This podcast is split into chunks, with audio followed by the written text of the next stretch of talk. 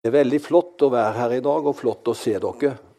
Og så flott sang og spilling på gitar. Altså, det var så harmonisk. Man kan bli, jo, man kan bli rørt av mindre. Så tusen takk skal dere ha for det. Og jeg vil bare si det, Aina og Arild, at uh, dere er to av mine helter. Bare ta det til dere. Hva dere betyr for Stavanger og for omegn og for mange, det er det mange som kan skrive under på. Så dere er en inspirasjon for så mange. Og Derfor er vi stolte over at dere er her i dag, og at dere leder også det flotte koret. Jeg har vært noen ganger på konsert. Siste gangen det var søndagen før Palmesøndag. Jan hadde en billett ekstra. Så, så sier han du må gå og høre de. Og da var jeg jo og hørte dere. Og jeg må bare, jeg må bare innrømme en ting. Jeg ser jo alltid etter våre folk oppi koret. Ikke sant? Så ser jeg der er de, og der synger de, og så er jeg så stolte. Spesielt over det, og ikke minst dere to. Så ta det med som en liten hilsen. og Når det var nattværutdeling, så måtte jeg måtte jo gå der Siv sto. Ikke sant? For ikke sant? det har noe med den familien å gjøre som vi er så glad i, og som vi setter pris på. Så dere skal vite det at uh, det er veldig bra. Og så var det en søndagskveld. Det er ikke en måned siden, kanskje. Uh, så kjørte jeg bil hjem, og så er det jo et program på NRK hvor det er en gjest, men så kan gjesten få komme med sanger. Og Den kvelden var det Brynjar Meling som var gjest. Den profilerte advokaten. Og uh, Mye av programmet gikk på hans fortid og hans bakgrunn i Frelsesarmeen. Og han uttrykte seg så vel over hva Frelsesarmeen og korps har betydd for han i sin oppvekst. Og Så nevnte han en ting til, og så må jeg si jeg er jo veldig begeistra for Stavanger Gospel Kompani, sa han. De hører jeg mye på. og så fikk vi en sang fra dere der i programmet. Så jeg bare sier det hvis ikke dere så er dere litt oppdatert her. så, så, da var det en av disse flotte sangene som han foreslo som da ble spilt på lufta til hele Norges land. For han sa at det er to ting som jeg er så glad for. Det var Frelsesarmeen og så dette flotte koret. Så jeg har bare lyst til å si det som en oppmuntring at det når ut. Og det er mange som takker Gud nettopp for slike ting. Og Nå skal jeg straks begynne å tale, men jeg må jo si det. Vi har fått amerikabesøk. Tilbake igjen. Greta. Hun har, vært, hun har vært i Amerika i hele tre måneder. Stemmer ikke det? Og jeg forstår at du da lengter hjem. Og nå er hun her, så nå kan hun puste ut. Det beste er jo her. Men jeg vet jo at du har hatt det fantastiske Amerika med dine der. Så det Og du har ikke tapt, på, tapt deg på turen. Jeg syns du ser like sprek ut. Så det er koselig. Velkommen tilbake igjen. Vi har savna deg. Det er det jeg har lyst til å si. Og da er jeg ferdig med de tingene, og så skal jeg begynne resten og holde meg til, til Guds ord. Det, vi fikk teksten av Max lest opp. Og Jeg vet ikke om du har tenkt over det, men faktisk den beretningen der det er kanskje den eneste beretningen som står i alle fire evangeliene. Tenk på det. For de fleste beretningene ja, Noe finner vi bare i Johannes evangelium. Johannes er spesielt på, på sin variant. Men mange av historiene som vi har, finnes i én eller flere evangelier. Men denne, hvor Jesus mette 5000, den står i alle fire evangelier. Og da må det ha en betydning. Da må det være en viktig tekst og noe som er viktig, som vi blir påminnet om. Matteus 14, Markus 6, som vi leste, Lukas 9 og Johannes 6. Der har du de stedene hvor den beretningen er tatt med. Så den beretningen må ha gjort et mektig inntrykk på folket. I og med at den nådde så ut gjennom alle fire evangeliene. Og Det vi leser om, som det starter med, det er at eh, apostlene, eller disiplene hadde kommet tilbake fra et forkynneroppdrag. Det var det som starta med i vers 30, at de hadde vært ute. Og så hadde de forkynt evangeliet. Og jeg ser for meg at nå skal det bli bra å få skryte litt til Jesus. Hva vi har vært med om. For det var jo veldige ting som skjedde. Og, og hele den teksten starter med at de hadde vært ute på en sånn misjonsturné, disiplene. Og så kommer de tilbake, og så skal de fortelle om alt som de har vært med om. Og det er fint å høre det. Men kanskje hadde Jesus en anelse av at det her, det, her blir det kanskje vel mye skryt. Så la oss få et annet fokus. For han er ikke veldig opptatt av at de skal få dele med sin, sin erfaring på sin misjonsreise. Men han bare sier det at eh, La oss gå avsides og hvile oss litt. Og så ser vi hva som skjer. Ikke sant? Det er jo det han egentlig sier. Så istedenfor å høre på masse skryt, kanskje, så plasserer Jesus det det de hører, og så, og så tar han disiplene med seg til et øde sted for at de skal få lov til å hvile seg. Og her kommer Jesus inn på et viktig prinsipp som jeg er ikke den beste til å snakke om. Men det er kombinasjonen mellom arbeid og hvile. Det er så viktig, sier folk. Og det er det. Så vi skal ikke verken over- eller undervurdere det. Sånt er det bare. Mennesket trenger hvile for å kunne gjøre en god jobb. Og dette ser Jesus. Og til og med Jesus trengte, og til og med Jesus hadde behov for hvile. Og Han tar altså disiplene med seg ut ifra et aktivt liv. Og så blir pauseknappen satt på, og så tar han dem med seg til et avsides sted for at de kan få hvile. Og det vil jeg si, og nå er jeg seriøs når jeg sier det jeg sier nå, mennesker vi trenger hvile. Og det vet Gud inderlig om. Og går vi over visse grenser der, så kan det faktisk være en dyr pris å betale. Hvis man på en måte driver rådrift på seg sjøl og på andre. Så Jesus han tar hensyn til det. Vi trenger hvile. Og så sier han nå går vi av sted for å hvile oss. Disiplene hadde behov for også bare å være, ikke bare å gjøre. Og Noen ganger så blir vi vurdert ut ifra hva vi gjør. Men jeg tror Herren vurderer oss ut ifra mer enn bare det vi gjør. Det er like viktig for Herren å være som å gjøre. Og så tar dem med til et sted i vers 31 og vers 32. Jeg bare sier, Det er begynnelsen på beretningen, hvor de kan få være i sted og hvile seg litt. Her blir presentert livsrytmen til en kristen. Og livsrytmen til en kristen det er samspill mellom arbeid og hvile. Ingen kan arbeide uten å hvile. Og ingen kan leve kristentlivet uten å ta tid til Gud. Og Det er nemlig det som er så vanskelig ofte i dag, det er å ta tid med Gud. Men det er avgjørende for at vi skal få styrke til oss sjøl, også til å være noe for andre, at vi tar tid sammen med Gud. Men eh, det som skulle være en hvile for disiplene og Jesus, det ble kortvarig. Eh, fordi Jesus han rigga det til for at han og disiplene skulle få være avsides for å hvile seg litt. Men eh, Jesus han visste nok hele dagsprogrammet, han, men det ble nok en overraskelse for disiplene som trodde på en skikkelig sånn, kanskje en hviledag.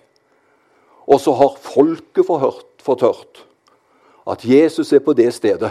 Og så står det de kommer til ham i hopetall. Der røyk den hvilen. Og eh, Jesus ble nok ikke. Men eh, det kan jo være at noen av disiplene ble litt irritert. Gikk litt i kjøttet, ikke sant? Og tenker det var jo ikke dette vi hadde tenkt oss. Når vi skulle ha denne spesielle dagen med Jesus, da hadde vi ikke tenkt at folket skulle renne seg på oss. Men det er det som skjer. Det kommer masse folk. Og når, vi telte, eller når det ble telt hvor mange som spiste, så var det 5000 menn og I Johannes evangelium står det 'foruten kvinner og barn'. Så hvis en har ei dame hver, da, og mennene, så blir det 10 000. Og, og sier at de har to barn hver, da, så kan vi bare tenke oss Det er en stor folkemengde som er samla der. Hvilen ble omgjort til at Jesus brukte tiden for å undervise folkeskaren som kom til han. Og når Jesus ser de, og Det var det første som talte til meg når jeg leste denne teksten. Når du skal tale over en tekst, må du lese gjennom den mange ganger. ikke sant? Det er akkurat som en sang. det, vet Du Du må, du må pugge innhold, og du må gå gjennom det mange ganger for at det skal sitte. Og når jeg leste teksten, så det første som kanskje gjorde inntrykk på meg, det var dette. Når Jesus så folkeskaren, så står det han fikk inderlig medfølelse for dem. I en gammel oversettelse står det han fikk medynk for folket som kom. Og jeg tenker, Det er så viktig for alle som har med mennesker å gjøre, og særlig i en åndelig situasjon. At vi ser mer enn bare til det ytre. At man ser at det er folk som er bærere av et behov. Når Jesus ser folket. De hadde ulik bakgrunner, kom fra ulike hjemmer, hele gjengen. Men når Jesus ser dem, så står det at han fikk inderlig medfølelse for dem.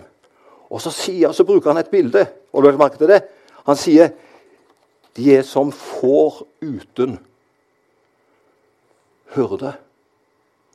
De er som sauer uten hyrde. Og dette bildet vet du, det var jo nesten bønder hele, hele gjengen i Israel. Vi som har vært i Israel nå, vi ser jo at det er voldsomt jordbruk. ikke sant? Og på den tida, det er 2000 år siden, det svømte over med jordbruk. ikke sant? Så var det noe de visste. Så var det om sauer, det var dyrhold og sånne ting. Så når Jesus bruker det bildet, for Jesus brukte bildet som de forstår, så sier han at de er som, de som sauer uten hyrde. Da skjønner nok disiplene ja, det betyr en, en sau uten hurde kan ikke finne veien hjem. En sau uten hurde har lett for å gå seg vill. En sau uten hurde kan ikke finne de grønne gressganger, så den får mat. Man trenger noen som leder de til slike steder. En sau uten hurde kan ikke forsvare seg når noe faretruende truer. Sauen er helt avhengig av en hurde som kan sitt fag, og som følger opp, og som stiller opp og tar vare på fårene. Det er et flott bilde. Det er slik det er i dag også. Vi trenger hverandre. Og det er ille hvis mennesker opplever at de er som sauer, får, uten hyrde. Uten noen som har medynk, uten noen som ser dem. Kan jeg få si en ting til? Det står ikke her, men jeg vil si det. Det er farlig hvis de kristne i dag kjennes først og fremst for, de, for sine meninger, og ikke for sitt hjerte. Og i dag så er det blitt en ny type kristen som er kjempefull av meninger. De har meninger om alt. Det er nesten som om at eh, de er utrusta av Vår Herres politi som skal sette ting på plass, og de har meninger om alt. Hvis vi blir kjennetegn for mennesker som er sterke på meninger, da tror jeg vi skal gå til hurden på nytt igjen. For det er ikke meninger vi først og fremst skal bli kjent for, men vi skal bli kjent for det hjertelag vi har for mennesker som har det tøft, som mennesker som trenger hjelp i livet sitt. Og jeg vet iallfall hvem jeg vil gå til hvis jeg er i vanskeligheter. Jeg går selvfølgelig til mennesker som har et stort hjerte. Jeg går selvfølgelig til mennesker som forstår meg, og som ikke er der for å dømme meg og, og, og, og plassere meg der jeg hører hjemme. Jeg vil gå til mennesker som vet de vil meg det beste, for de har et hjerte. Må Gud hjelpe oss at vi ikke er kjent i dag for meningene våre, men at vi kan bli kjent for det store hjertet som vi har, som bryr seg og som ikke stiller betingelser, men som elsker, og som ønsker hverandre absolutt det beste. Jesus hadde medlidenhet med menneskene. Han sendte det ikke fra seg, selv om det kunne vært det mest behagelige. Selvfølgelig kunne det vært det mest behagelige, men han sendte det ikke fra seg. Medlidenhet og sann interesse for andre er avgjørende om vi skal vinne mennesker for evangeliet og for himmelen. Og så vil jeg komme litt inn på Jesus og disiplene midt oppi dette. her. For det kan ha litt relevans til oss, ikke sant? Vi er jo disipler i dag. Jesus og disiplene. de er jo så forståelsesfulle, disiplene, at de sier at Jesus, trenger vi ikke et avbrekk her? Da hadde Jesus undervist i mange timer. Trenger vi ikke et avbrekk her? Kanskje du skal sende folket til, til landsbyene så de kan få kjøpe seg mat? Ja, Det var en lett min måte å komme ut av det på. Sende de bare av gårde. Det var det disiplene foreslo. Men sende de av gårde. Ja, det vil være det mest behagelige. Så blir vi kvitt problemet. Så kan de få kjøpe seg mat. Men sult og hungersnød er neppe problemet i fortellingen. Men disiplene ser et praktisk problem med tusenvis av sultne mennesker. Og så har de for lang vei hjem. Så disiplene bare sier enkelt send de av gårde, så de kan få kjøpe seg i nærmeste landsby. Og så tar beretningen en overraskende vending. Du kjenner det sikkert, for da sier Jesus til disiplene Og da fikk disiplene rett i fanget. For disiplene sier 'Send de av gårde!' Og så bryter Jesus inn, og så sier han til dem dere skal gi dem mat.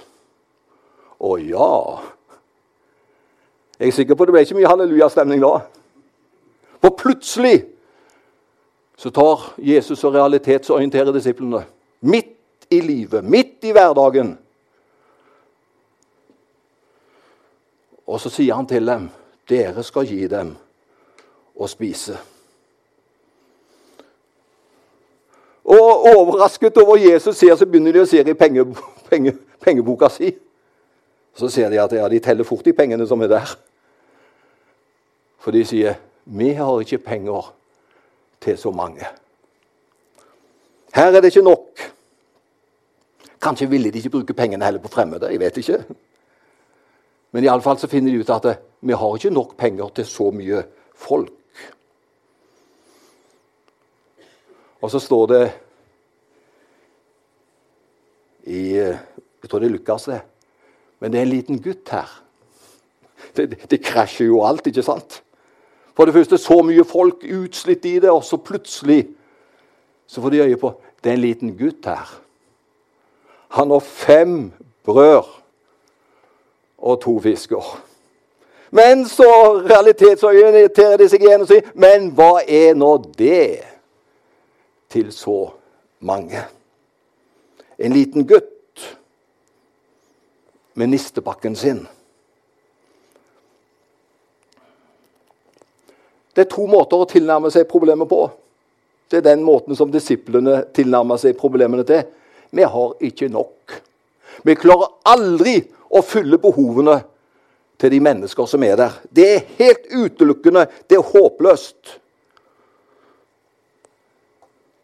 Vi har altfor lite mat, vi har altfor lite penger. Vi klarer ikke å gjøre noe i denne situasjonen. Disiplene ser begrensningene, men Jesus ser Guds muligheter. Og jeg skulle ønske Det er det som jeg ønsker skal sitte når vi går fra gudstjenesten i dag. At vi kan se på Guds muligheter. Ikke våre begrensninger, for da kan vi jo legge ned da, hvis vi skal se etter våre begrensninger. Men vi kan se etter Guds muligheter. Her, tenker Jesus, her kan det skje et megaunder. Et hverdagsunder som er gjengitt i fire evangelier. For det var så eksepsjonelt, det som skjedde. Her kan det virkelig skje et hverdagsunder. To fisker og fem brød fremstår ikke akkurat som noe festmåltid. Men hvor godt er det ikke å vite at Jesus han bryr seg om våre hverdager? Jeg, jeg har noen venner som kan ikke fordra fisk. Jeg vet ikke om det er noen her i dag. Jeg skal ikke ta håndsopprekning på det. altså. Men det er noen som ikke liker fisk. Og her er det det som Jesus tilbyr. Han bruker fem brød, to fisker, og så velsigner han det. Og så må de ta imot og jeg tror der tok de imot det med glede. Men det kunne jo vært enda bedre, dette underet. Tenk om han hadde velsigna det så det ble burgere med brød. Da, måte, da, da, da, begynner det å ligne på en fest. Tenk om, tenk om, det Jesus gjør, det gjør han om til et festmåltid. Men han gjør ikke det. Hør, han gjør ikke det. Han velsigner brødre og fiskene. Og så blir de brødene og fiskene de blir til så mye mat at alle 5000 menn foruten kvinner og barn de spiser seg mette. Og det er tolv kurver igjen. Vet du hva jeg har lyst til å si nå? Dette er et hverdagsunder med hverdagsmat. Det er der det ligger for oss de fleste gangene. Hvis du vil ha raffinerte under og skal oppleve på øverste hylle, da kommer du til å gå et liv uten Guds velsignelse. For det ligger ikke høyt der oppe. Det er høyt der oppe, det får englene ta seg av. Men du skjønner, det som Gud gjør for oss, det er hverdagslig. Det er noe som hjelper oss i vår hverdag, i våre behov, der hvor vi står. Og her er det fem brød og to fisker. Ja, Hvis det ikke var Guds velsignelse, så kunne det kanskje metta to mennesker. det. Men med Guds råe under så blir det mat til så mange. Og Derfor skal jeg avslutte nå med å forstå dette underet, som er gjengitt i alle fire evangeliene. Det som dette vil fortelle oss, det er hva som skjer når Guds rike bryter igjennom. Når Guds rike bryter igjennom iblant oss, da kan Gud oppheve naturlover. Da kan Gud gjøre det slik at det som, det som er umulig i den menneskelige sfære Når Guds rike kommer, da skjer det noe med det. Når Gud får velsigne det, så blir det omgjort. Når Gud griper inn, så slutter slutter mennesker å bli sultne og desperate, for han metter våre behov. Det er til og med nok til overflod. Og Hvis jeg også skal ha en bønn med meg, så er det her, jeg ønsker mer hverdagsunder. For å si, Jeg ønsker mer brød og fisk.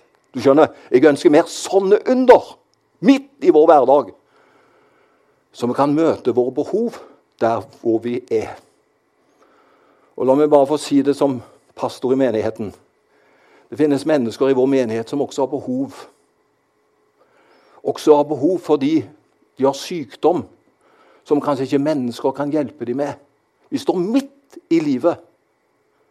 Da ønsker jeg bare å si Gud, kan du midt i deres hverdag gripe inn og gjøre et under? La fisken og brøden bli til noe enda mer i de menneskers liv som har behov, og som trenger dem på en spesiell måte. Dere vet hvem jeg tenker på, dere som kjenner til det uten å nevne navn. Men jeg skulle ønske virkelig til Gud at det kunne skje et under, et hverdagsunder i vår hverdag, som forteller at for Gud er ingenting umulig. Tenk hvilken oppmuntring det vil være. Jeg mener De som var sammen med Jesus den dagen der, det ble jo en totalt annerledes sak. De måtte tenke For en mann! For en person! For en atmosfære! For en himmel som kommer til oss! Han hjalp alle, han så til alle. Og han tenkte ikke på jeg gir bare mat til de som har en god moral her. Nei, tenkte ikke på det hele tatt. Han ga mat til alle, han. Han skilte ingen ut. Han gav mat til alle. For han elsker alle like høyt. Så det første For nå går jeg ned på telling her. Det første eh, som, eh, som, den teksten lærer oss, det er hva som skjer når virkelig Guds rike får bryte igjennom. Da blir behov dekka. Det andre som teksten forteller, det er at disiplene blir minnet om til å ta ansvar. Vi kan ikke flykte og si at det er Jesus som skal gjøre det. Jesus sa til disiplene dere skal gi dem mat. Altså, Gud vil bruke oss, og må Gud hjelpe oss. Vi trengs i dag som aldri før. Og la oss stå sammen. Som kristne og som kirke skal vi i dag ta ansvar. Og vi skal gi verden mat. Og vi skal dekke de fattiges behov. Og det er vår oppgave. Og den må vi stå sammen om som Jesu disipler i dag. Og for det tredje Og jeg er veldig glad for at jeg kan si det tredje, for nå skal vi gå over til nattverden. For det tredje Matunderet her henviser også til nattverden. Mesteren ba disiplene gi folket mat. Og så, før maten blir delt ut, så står det at han tok brødet og fiskene, og så velsigna han det. Og det er det som har med nattverd å gjøre. Vi velsigner brødet Og i dag er det jo ikke fisker, da, men vi velsigner brødet og kalken. Jesus tok brødet, takket brødet, brødet, brødet og gav det til disiplene. De samme verbene møter vi i innstiftelsens ord om nattverden. Og dette skal vi nå få lov å gjøre. Vi skal ta brødet og kalken. Vi skal velsigne det. Vi skal takke for det. Og så er det brutt. Og så skal det for å si sånn, det er til alle. Det trenger ikke noe matunder for at det skal skje, for alle skal få i dag. Men la oss tenke på dette. Herren. Dette gjelder for langt flere enn oss. Og det ligger på Mesterens hjerte. Må mange få oppleve dette. For frelsen er for alle. Matunderet forteller det er nok mat til alle. Guds rike er så velsigna at vi kan alle få det vi trenger.